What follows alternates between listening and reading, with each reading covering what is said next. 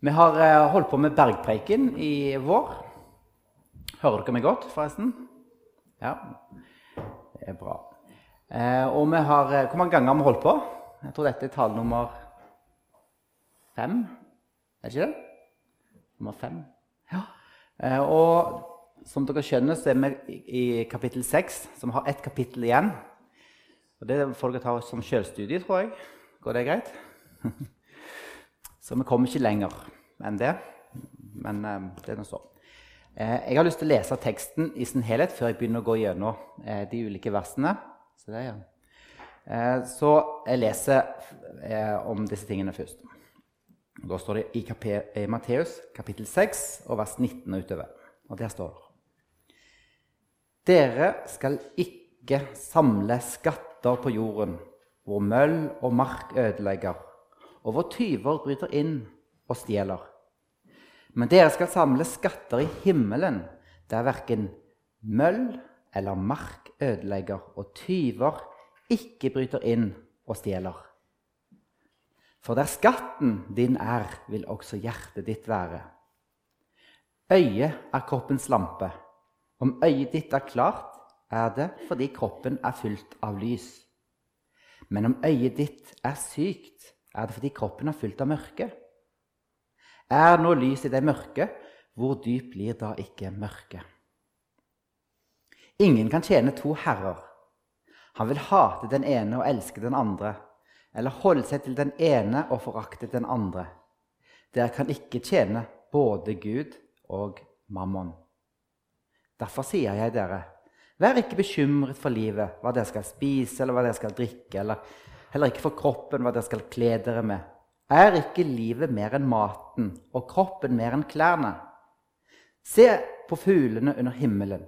De sår ikke, de høster ikke og samler ikke i hus, men den far dere har i himmelen, gir dem føde likevel.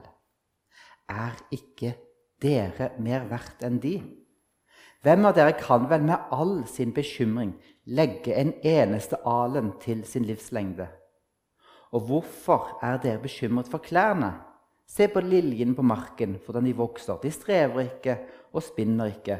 Men jeg sier dere, selv ikke Salomo i all sin prakt var kledd som en av dem. Når Gud kler gress på marken så fint, det som går i dag og kastes i ovnen i morgen, hvor mye mer skal, da, skal han ikke da kle dere, dere lite troende? Så gjør dere ikke bekymringer, og si ikke 'Hva skal vi spise?' eller 'Hva skal vi drikke?' eller 'Hva skal vi kle oss med?' Alt dette er hedningene opptatt av. Men den Far dere har i himmelen, vet jo at dere trenger alt dette. Søk først Guds rike og hans rettferdighet, så skal dere få alt det andre i tillegg. Så gjør dere ingen bekymring for morgendagen. Morgendagen skal bekymre seg for seg selv. Hver dag har nok med sin egen plage.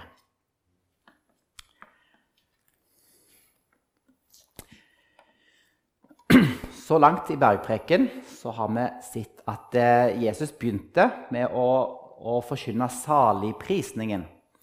Hvem er de salige? Det er de fattige i ånden. Det er de som skaper fred, de ydmyke. At det er de som blir forfulgt. Det er de som er det som de på godt engelsk kaller 'nobodies'. Det er liksom Jesus har snudd alt opp ned. Bergpreken er en tale Jesus holdt til disiplene. Det var nok andre som hørte på òg, men det var først og fremst disiplene han talte til. Og her forkynner han hvordan livet i Guds rike er. Hva verdier vi skal ha, og hvordan, hvordan vi skal følge og ære Gud i alt det vi gjør. Og nå har vi altså kommet til et kapittel som er ganske krevende. Det tror jeg jeg har sagt for mange av tingene i bergpreken. Men Jesus krever ganske mye av oss. Men som jeg vil gjenta flere ganger, det gjør han bare fordi han gir oss alt. Det er bare eneste grunn så han begynner. Dere skal ikke samle skatter på jorden, hvor møll og mark ødelegger, og hvor tyver bryter inn og stjeler. Du, jeg må fortelle dere en artig historie jeg hørte.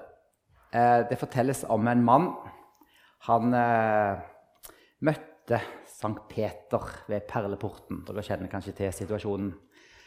Og eh, i motsetning til alle de andre som kom til perleporten og skulle liksom inn i himmelen, så hadde han her med seg en koffert. For det hadde han virkelig bedt innstendig om å få lov til å ha med seg en koffert. Ja, ja, så Dette var jo en kjekk kar. da, Han eh, hadde gjort mye godt. Så han fikk lov til å ha med seg kofferten sin. Men så ble Sankt Peter han ble litt så nysgjerrig, så lurte han på hva, hva er det du har i denne kofferten egentlig. Å jo da, han her var en rik mann på jorda, så han åpna kofferten. Og der hadde han oppi en gullbar, for den ville han ha med seg. Og da ropte Sankt Peter i forundring. Brostein! Har du med brostein til himmelen? Det er jo en artig historie. da. Eh, vi vet jo at gaten skal være av gull osv. Så, videre, så det ligger jo bak det der. Vi tror ikke på noen sånn perleport med Sankt Peter som står der og skal si ja eller nei. da. Men eh, poenget er nok at det, vi, når vi kommer til jorden, vi, altså når, så kommer vi nakne. Og når vi forlater jorden, så får vi ingenting med oss av de tingene vi får av, av jordiske gods. Naken kommer jeg fra mors liv, naken vender jeg tilbake. Hvem sa det? Jobb. Ja, Det er bra se. De eldste i forsamlingen de tok det. Det er bra. Um, tomhendt kom vi inn i verden, og tomhendt må vi forlate den. Det var det en annen kar som sa. Og han heter Paulus. Så hvorfor skal vi ikke ta med oss eh, eller samle skatter på jorden? Hvorfor skal ikke det være viktig? Jo, det, de er ikke evigvarende. Møll og mark ødelegger, og tyver bryter inn. Egentlig så står det på, på, på teksten på, på, gresk 'møll og spising ødelegger'. Det er jo litt rart. Hva mener de? Det er spising. Skal de spise noe? Er det noen som skal spise noe? Men det er altså et ord som ble brukt om eh, bl.a. Eh, eh, mark som spiste opp ting. Men det ble også brukt om mynter som rusta. Sånn at, og de kalte det for at det ble spist opp. på en måte. Så, så til og med pengene hadde ikke evigvarende verdi. De rusta. Så på engelske oversettelser står det ofte at uh, 'mott and rust' eller et eller annet sånt. står det. Så det ruster vekk. Det er ikke evigvarige. Og hvis du tror at du har tatt godt vare på ting, så kan det likevel komme tyver og bryte seg inn og stjele det. Eh, men, sier Jesus positivt, dere skal samle skatter i himmelen, der verken møll eller mark ødelegger, og tyver ikke bryter inn og stjeler. Dette er, dette er, kanskje det mest siterte verset av alle i det yrket jeg har. Fordi at eh, jeg er lærer, og der, der sier de at ja, vi, får, vi, skal få vår lønn i himmelen. Vi samler skatter i himmelen, liksom. For det at vi får ikke så mye lønn, mente noen. da. Ja, Det er jo bare tull. da. Vi får masse lønn. Men, eh, men hva betyr det egentlig å samle skatter i himmelen? Har du tenkt på det? Hva betyr det å samle skatter i himmelen? Høres jo veldig sånn åndelig ut, gjør det ikke? Ja, vi skal samle skatter i himmelen. Hva, hva er det? Men det er sånn at eh, det betyr faktisk eh, at eh, skal Det er ikke noe sånn, sånn veldig sånn, sånn, sånn sånn, sånn overåndelig over det. Det betyr rett og slett å hjelpe de som trenger hjelp. Hjelpe fattige mennesker. Og Vi skal se på eksempler på det. Se her, I 1. Timoteus kapittel 6 så sier Paulus at de, og de er altså de som er rike i denne verden, skal gjøre godt, være rike på gode gjerninger, være gavmilde og dele med andre. Slik samler de seg en skatt som blir en god grunnvalg for fremtiden, så de kan vinne det virkelige livet. Å samle skatter det er altså å hjelpe andre med det du har. Vi skal se ett eksempel fra Bibelen. og Det er fra Matteus kapittel 22. Vil du være helhjertet Dette sier han til den rike, unge mannen som kom til Jesus og, og lurte på hva han skulle gjøre for å få evig liv. Så sier han til ham, 'Vil du være helhjertet, så gå da bort og selg det du eier, og gi det til de fattige.' Da skal du få en skatt i himmelen. Kom så og følg meg. Og I det tilfellet det, så var det at det, denne rike unge mannen han trodde at han klarte å holde alle budene. ikke sant? For han gjorde det ene og det andre. ja, det, det klarte han. Og Så kommer Jesus og så setter han fingeren rett på problemet. Han sier 'selg alt det du eier, og gi til de fattige'. Da skal du få en skatt i himmelen. Problemet var at det, han hadde hjertet sitt en annen plass enn der det skulle vært. Han tjente ikke Gud på den måten han skulle. Han hadde et hjerteproblem. Så å samle en skatt i himmelen, det er å hjelpe andre mennesker. Rett og slett. Sånn at du kan tenke veldig åndelig på det, men det er dette er praktisk. Hjelp de som trenger det. Du, vi møter et annet begrep her som er litt rart. Og det er dette med hjertet. Hva mener vi med hjertet? Er det noen som kjenner det igjen? Er det dette? Hjertet blir jo ofte forbundet med i moderne tid. Hvis vi sier 'ja, du må fylle hjertet', hva mener folk da? Da mener de kanskje at du må, det, det, du føler er rett, må du følge. Så hjertet blir i moderne tid oppfatta som det vi føler. Sånn, følelser og, og ja, sånn, Kanskje litt med kjærlighet å gjøre, et eller annet sånt. Men i bibelsk tid så ble det brukt veldig annerledes. Vi har jo, sånn jo sånn, jobba med forskning på fysiologi, så vi har liksom forstått at det, tanker og sånn, det skjer innenfor her, tror jeg. Inni her. Og, og så videre. Og hjertet det pumper blod. videre. Vi har liksom sånn god forståelse av kroppen, tror vi. Men i bibelsk tid, altså på nytestamentlig tid, når Jesus talte, så forsto de ordet 'hjerte' litt annerledes. Og Jeg skal vise bare noen eksempler. Ja, hjertet har med følelser å gjøre. Ordspråkene 15-13 står det. Glede i hjertet gjør ansiktet vennlig. Sørg i hjertet gjør motløs. Så det, hjertet har med følelseslivet å gjøre. Det har det. Men det står også om tanker. I ordspråkene 16,9 I hjertet tenker mannen ut sin vei, men det er Herren som styrer skrittene hans. Så dette, hjertet er ikke bare sånn følegreier. Du tenker med hjertet òg i Bibelen. Motiver. Sølv presses i smeltedigelen og gull i smelteovnen, men Herren prøver hjertene. Det er hva motivasjon, hva motiver du har. Og visdom. Min sønn, når du har visdom i hjertet, blir det også glede i mitt hjerte. Ordspråkene 23, 15. Så hjertet er ikke bare følelser, men det er mye. Det er hele deg, egentlig. Hva du tenker, føler, motiver. Det er mye mer enn bare følelser. Ok. Vi har begynt med en sånn bibelquiz. Job, det var rett. Er dere klar for neste? Eh, hva er det mest kjente verset i Bibelen? Jeg hørte det allerede. Johannes 3, 16 er det. For så har Gud elska verden, at han ga sin sønn, den enbårne, for at hver den som tror på ham, ikke skal gå fortapt, men ha evig liv. Ja. Hvis du spør en jøde, da Hva er det mest, er det mest kjente verset i, i, Bibelen? Altså, Da blir det jo for en, jøde, for en messiansk jøde en, så kan det jo være at han sier Johan 16, men jeg tipper kanskje han sier noe annet. For jøder på Jesu tid var iallfall svaret entydig, uten tvil. Det mest kjente verset, det alle kunne utenat. Alle. De sa det to ganger til dagen. To ganger til dagen. Hver dag ble dette sagt, dette verset. Og da vet dere hva det er? Og dere gjør ikke det? Ja, der, der er vi.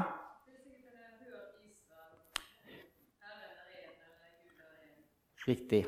Skjema. Hør, Israel. Herren er vår Gud. Herren er én. Du skal elske Herren Gud av hele ditt hjerte og av hele din sjel og av all din makt. Der har dere forresten på veggen. Ja, Det er ikke bare det at, at, at, at liksom ja, ja, det var noen jødene på den tiden, og de var liksom fariseere og andre og sånt. Og sånt. Nei da. Jesus ble jo spurt en gang. Hva er det viktigste av budene? Det var en som kom og spurte han en lovkyndig fariseer. Hva svarte Jesus da? Jo, det viktigste budet, hva er det? Du skal elske Herren til Gud av hele ditt hjerte og av hele din sjel og av all din forstand.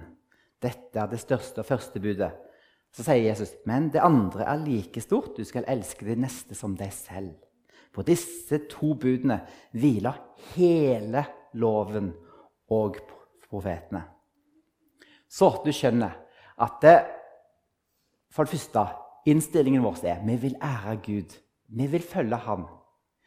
Og så, er, så ser vi at det, hjertet vårt, det vi tenker, det vi gjør, det er utrolig viktig.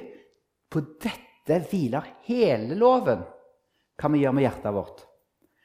Og da skjønner du at når Jesus sier 'For der skatten din er, vil hjertet ditt være', og Da er det jo utrolig viktig at skatten er på rett plass. Er det ikke det? Så Det er dette Jesus snakker om her nå. Å elske innebærer konkrete handlinger. Og det er noe som faktisk skal svi i pengepungen. Hmm. I Lukas så gir Jesus kanskje, kanskje tilsynelatende litt mer konkret eh, eh, hva som ligger i dette med å samle skatter.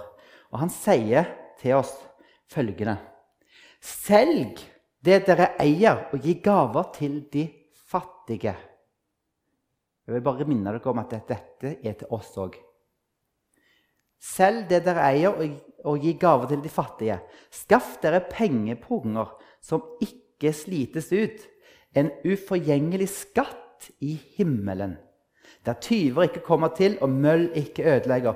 Hvor skatten deres er, der vil også hjertet deres være. Bare, vi må bare passe så vi ikke leser dette som at det, ja, det var til de. Dette er til oss.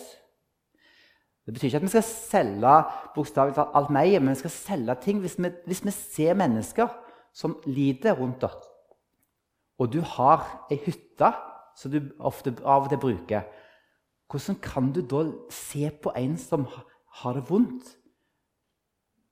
Dette er harde bud, men Jesus sa de til oss. I Matteus, i bergpreken, så, så, virker det som Jesus er litt, litt sånn, eh, kan virke litt greiere. på en måte. Han, han, han, han sier det hjertet ditt der, der vil også skatten din være. Og så sier han videre Øyet er kroppens lampe. Om øyet ditt er klart, er det fordi kroppen er fylt av lys. Men om øyet ditt er sykt, er det fordi kroppen er fylt av mørke. Er når lyset det mørke, hvor dypt blir ikke da mørket? Akkurat som det var litt greiere å lese enn det der med selge og hjelpe de fattige osv. For her var det bare sånn, noe syn. Og Jeg har sett i mange sånne kommentarer. altså Noen de tolker det sånn at ja, det betyr at vi skal ha åndelig syn og osv. Faktisk er en New Age-forfatter mener at midt her er det et usynlig øye. Det er liksom det øyet som skal se sånne ting. Men det er jo bare tull. Dette er jo skrevet i en jødisk kontekst, og de visste hva det betydde. De var helt klar over hva han sa. For oss virker det veldig rart, men for de som hørte Jesus talte dette, var det klinkende klart hva han snakker om. For Jesus bruker et velkjent bilde på, eh, på eh, dette med å gi til de trengende.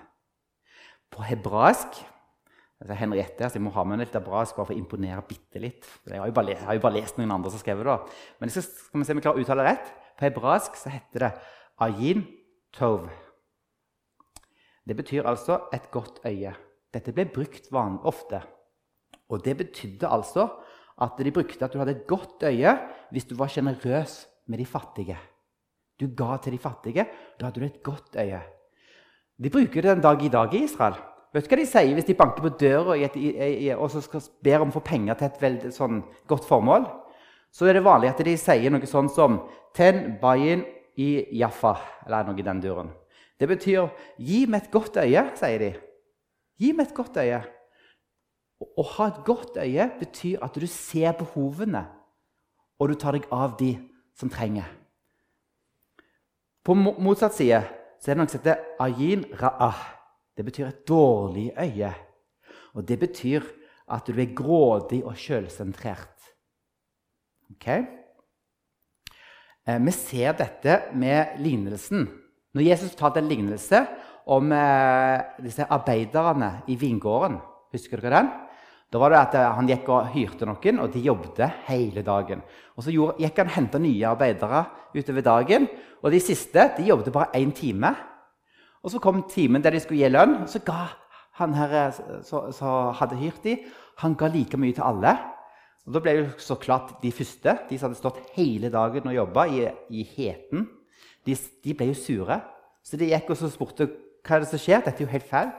Så sier Jesus, så sier Jesus at han her sa til dem Har jeg ikke lov til å gjøre som jeg vil med det som er mitt?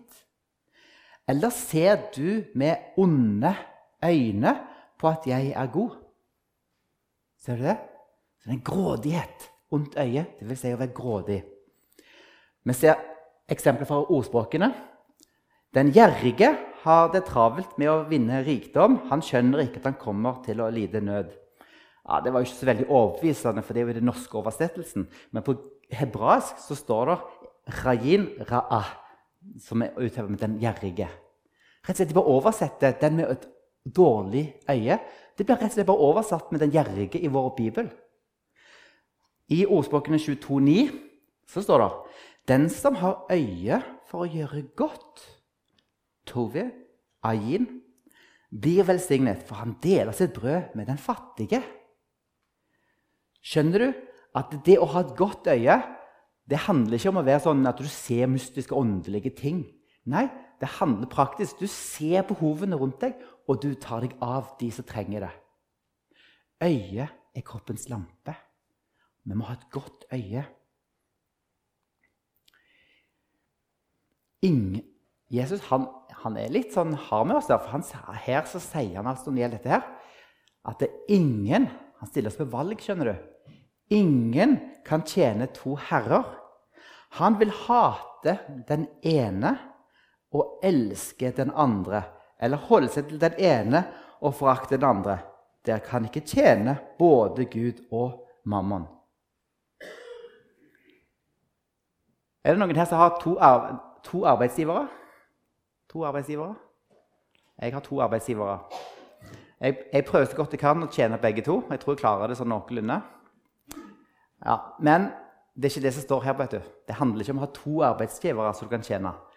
Det Ordet 'tjene' her, det er å være slave.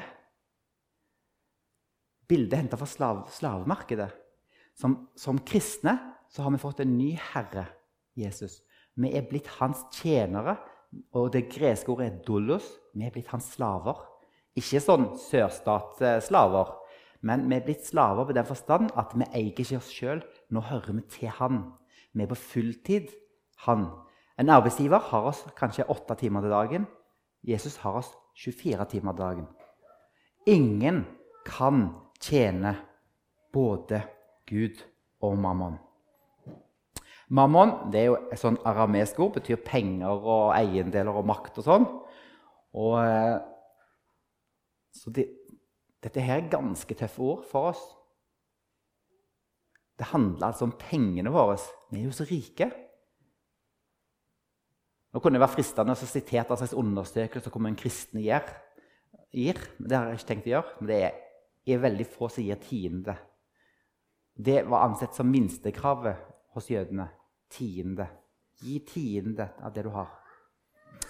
Du skal elske Herren din Gud av hele ditt hjerte og hele din sjel og all din makt. Og da kommer vi til kanskje noen av de mest kjente versene i bergpreken. Der. Derfor sier jeg dere, vær ikke bekymret for livet, hva dere skal spise eller hva dere skal drikke. Heller ikke for kroppen, hva dere skal kle dere med. Er ikke livet mer enn maten og kroppen mer enn klærne? Og er det noen som har tenkt med deg sjøl nå? Har du hatt dårlig samvittighet fordi at du har lest disse versene? Vær ikke bekymret. Og så har du sittet og venta på barnet ditt eller hva det måtte være, som har vært ute seint på natten, og, og, så er du bekymra. Du er bekymra hvordan det går. Eller det er et barnebarn som er, det er trøbbel med, et eller annet sykdom, og så er du bekymra. Og så har du lest de versene der, så tenker du at jeg skal ikke være bekymra. Så føler du dårlig samvittighet. Jeg tror det er mange som har tenkt sånt. Men du, hva står det der? Utheva litt. Hva er det første ordet i verset?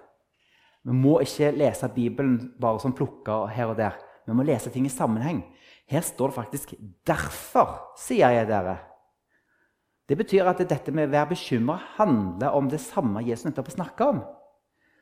Og det å være bekymra her, det er altså å være bekymra for om du klarer å ordne deg med pengene dine, og at du passer på at du, har, at du sikrer deg økonomisk osv.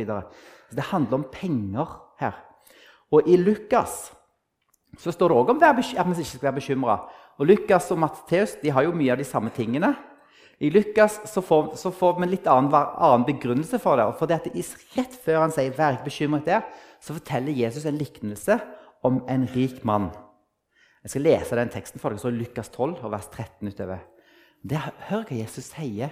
Hør denne fortellingen, for den illustrerer akkurat hva dette handler om. Det var en rik mann som hadde fått god avling av jorden, og han tenkte med seg selv, 'Hva skal jeg gjøre?' 'Jeg har ikke plass til avlingen min.' 'Jo, dette vil jeg gjøre.' 'Jeg river ned låven og bygger den større,' 'og der samler jeg korn og alt det jeg ellers eier.' 'Så skal jeg si til meg selv:" Nå har du mye godt liggende, nok for mange år. Slå deg til ro, min sjel. Spis, drikk og vær glad. Men Gud sa til ham, uforstandig menneske, i natt kreves din sjel tilbake.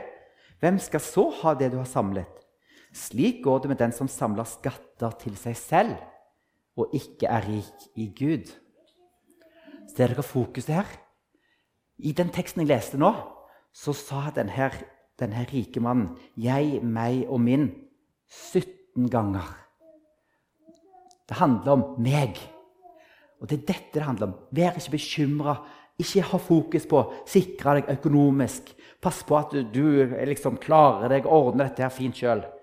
Nei, hvis du ser heller at noen har behov for det, så gi og stol på Gud at han tar deg av deg.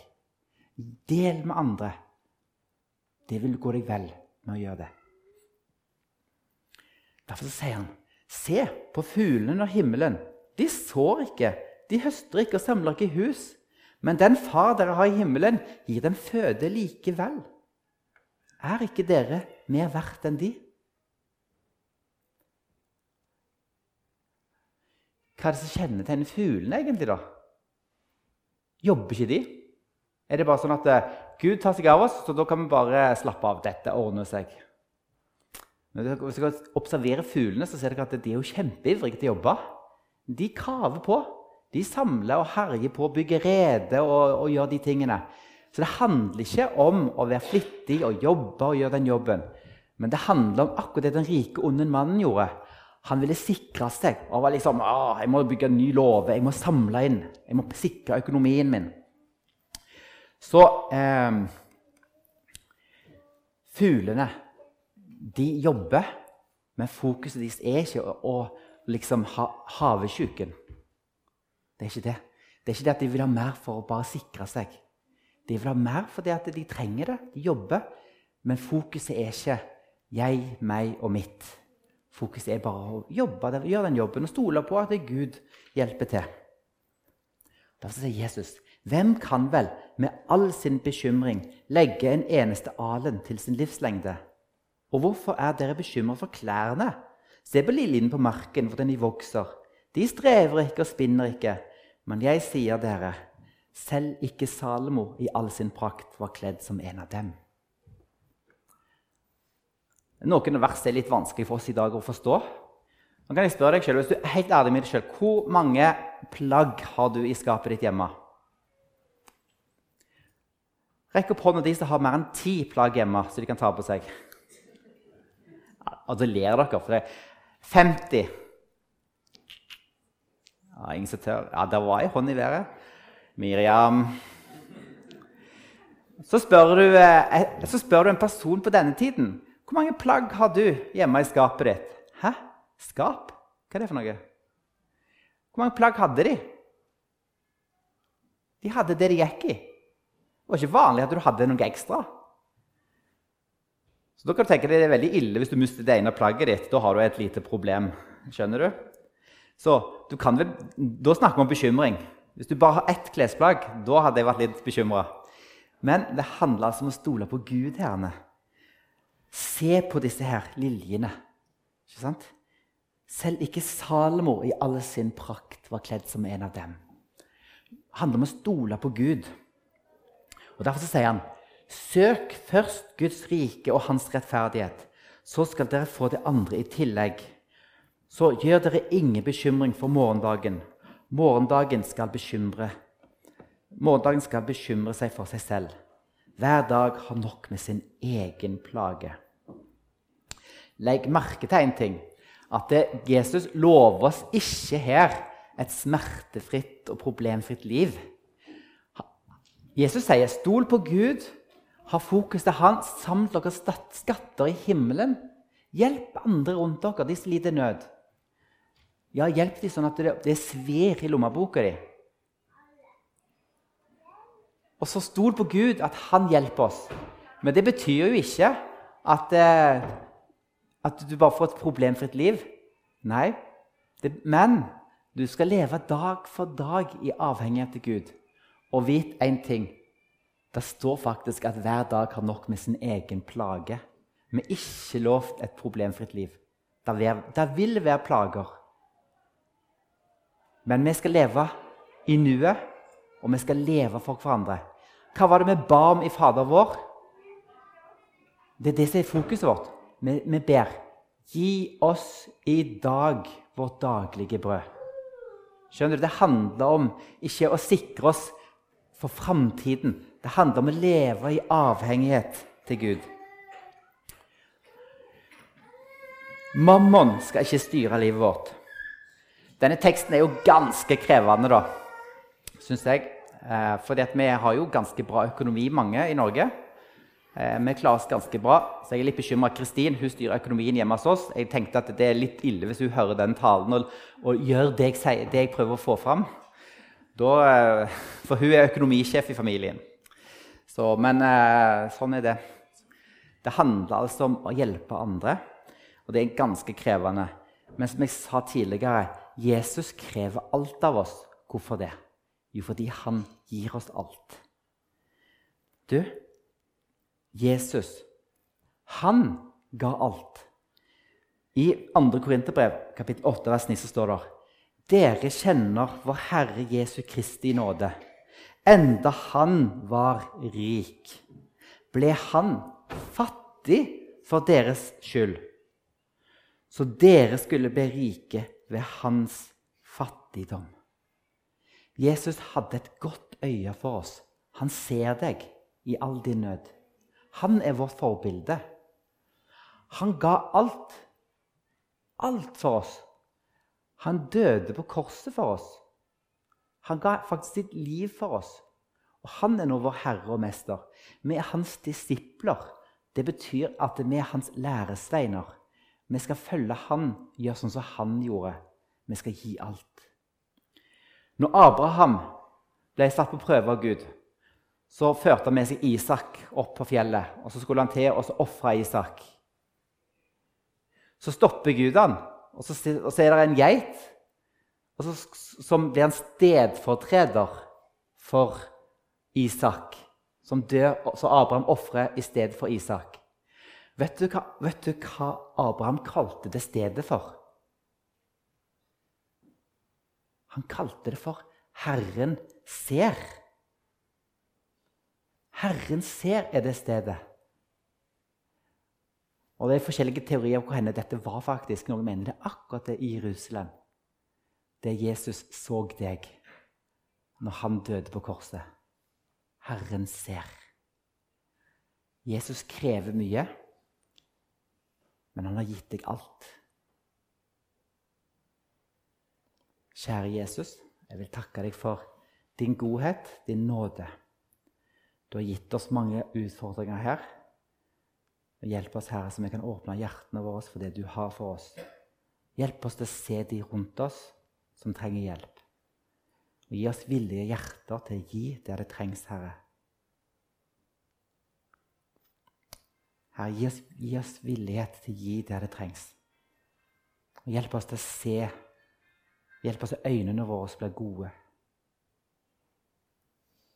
Amen.